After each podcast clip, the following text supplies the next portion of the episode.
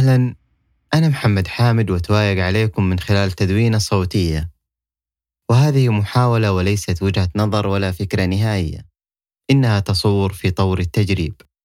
هذه الحلقة بعنوان خلخلة المنطق. المنطق الذي يتحدث عنه هنا مختلف عن مفهوم أرسطو والنظريات العلمية. أنا أتحدث عن المنطق في حياتنا وهو بالمناسبة من وجهة نظر متواضعة غير موجود لأن ما نعيشه يفرض علينا التسليم بشيء نسميه اختلال المنطق الشعوري.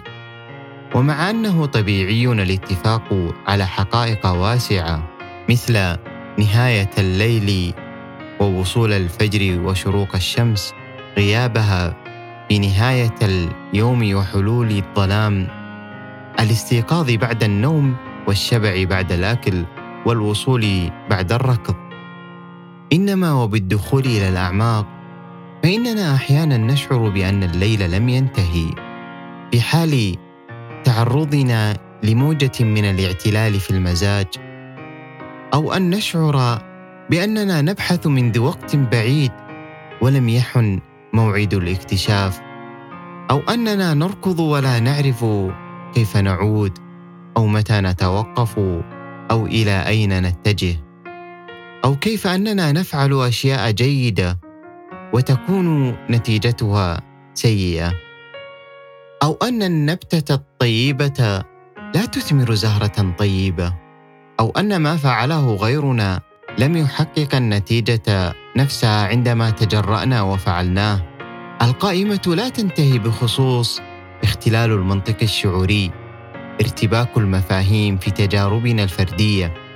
وهذا ما نبهني إلى أن الأرقام وحدها هي المنطقية. واحد زائد واحد يساوي اثنين واحد ضرب واحد يساوي واحد. لكن في حال خرجت الأرقام من مفهومها المجرد ودخلت إلى واقع الحياة فإنها تتمرد على طبيعتها لأننا نعرف أنه في مرات كنا مع آخرين ولكن لم نشعر أننا تجاوزنا وحدتنا وأننا جربنا استخدام طريقة غيرنا في التعامل مع الناس ولكن لم نحصد ما يقترب ولو قليلا مما تعهدوا لنا بحدوثه. قدمنا مشورة أو حصلنا على مشورة بخصوص بعض المواقف وكانت النهاية محبطة. مشكلة المنطق أننا نتعامل معه مثل وصفات الطبخ أو دليل التعليمات ونغفل عن الجزء الخاص بنا.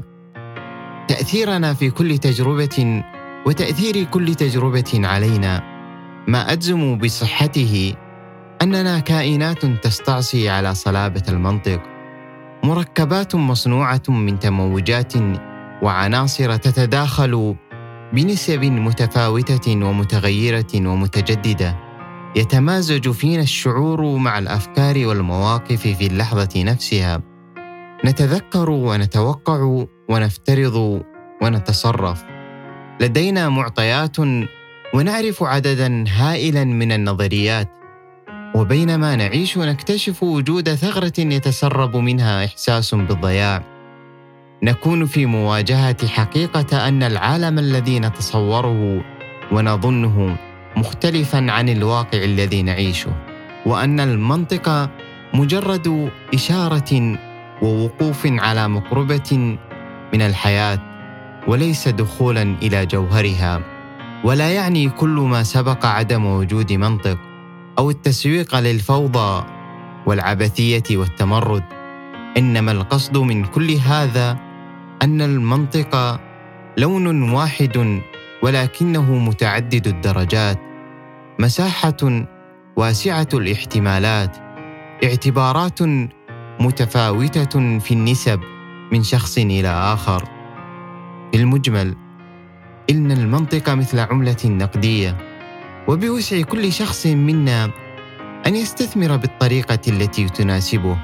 إن تأملنا غابة مليئة بالأشجار من النوع نفسه. سنلاحظ أنها تختلف في شكل الجذع أو الفروع توزيع الأوراق أو انعكاس الظلال أو التمايل مع النسمة. إن المنطق بالأصل مثل بذرة وتجاربنا الخاصة أشجار ولكن لا توجد شجرة تشبه شجرة أخرى تماما. الخلاصة أن لكل منا منطقه الخاص والمتغير منطقته الواسعة. وهذا ما يساعدنا ويسمح للمرونة والاختلاف بأن يكونا جزءا أساسيا من طبيعتنا وفي حياتنا. هذا محمد حامد وهذا بودكاست أتوايق كونوا طيبين.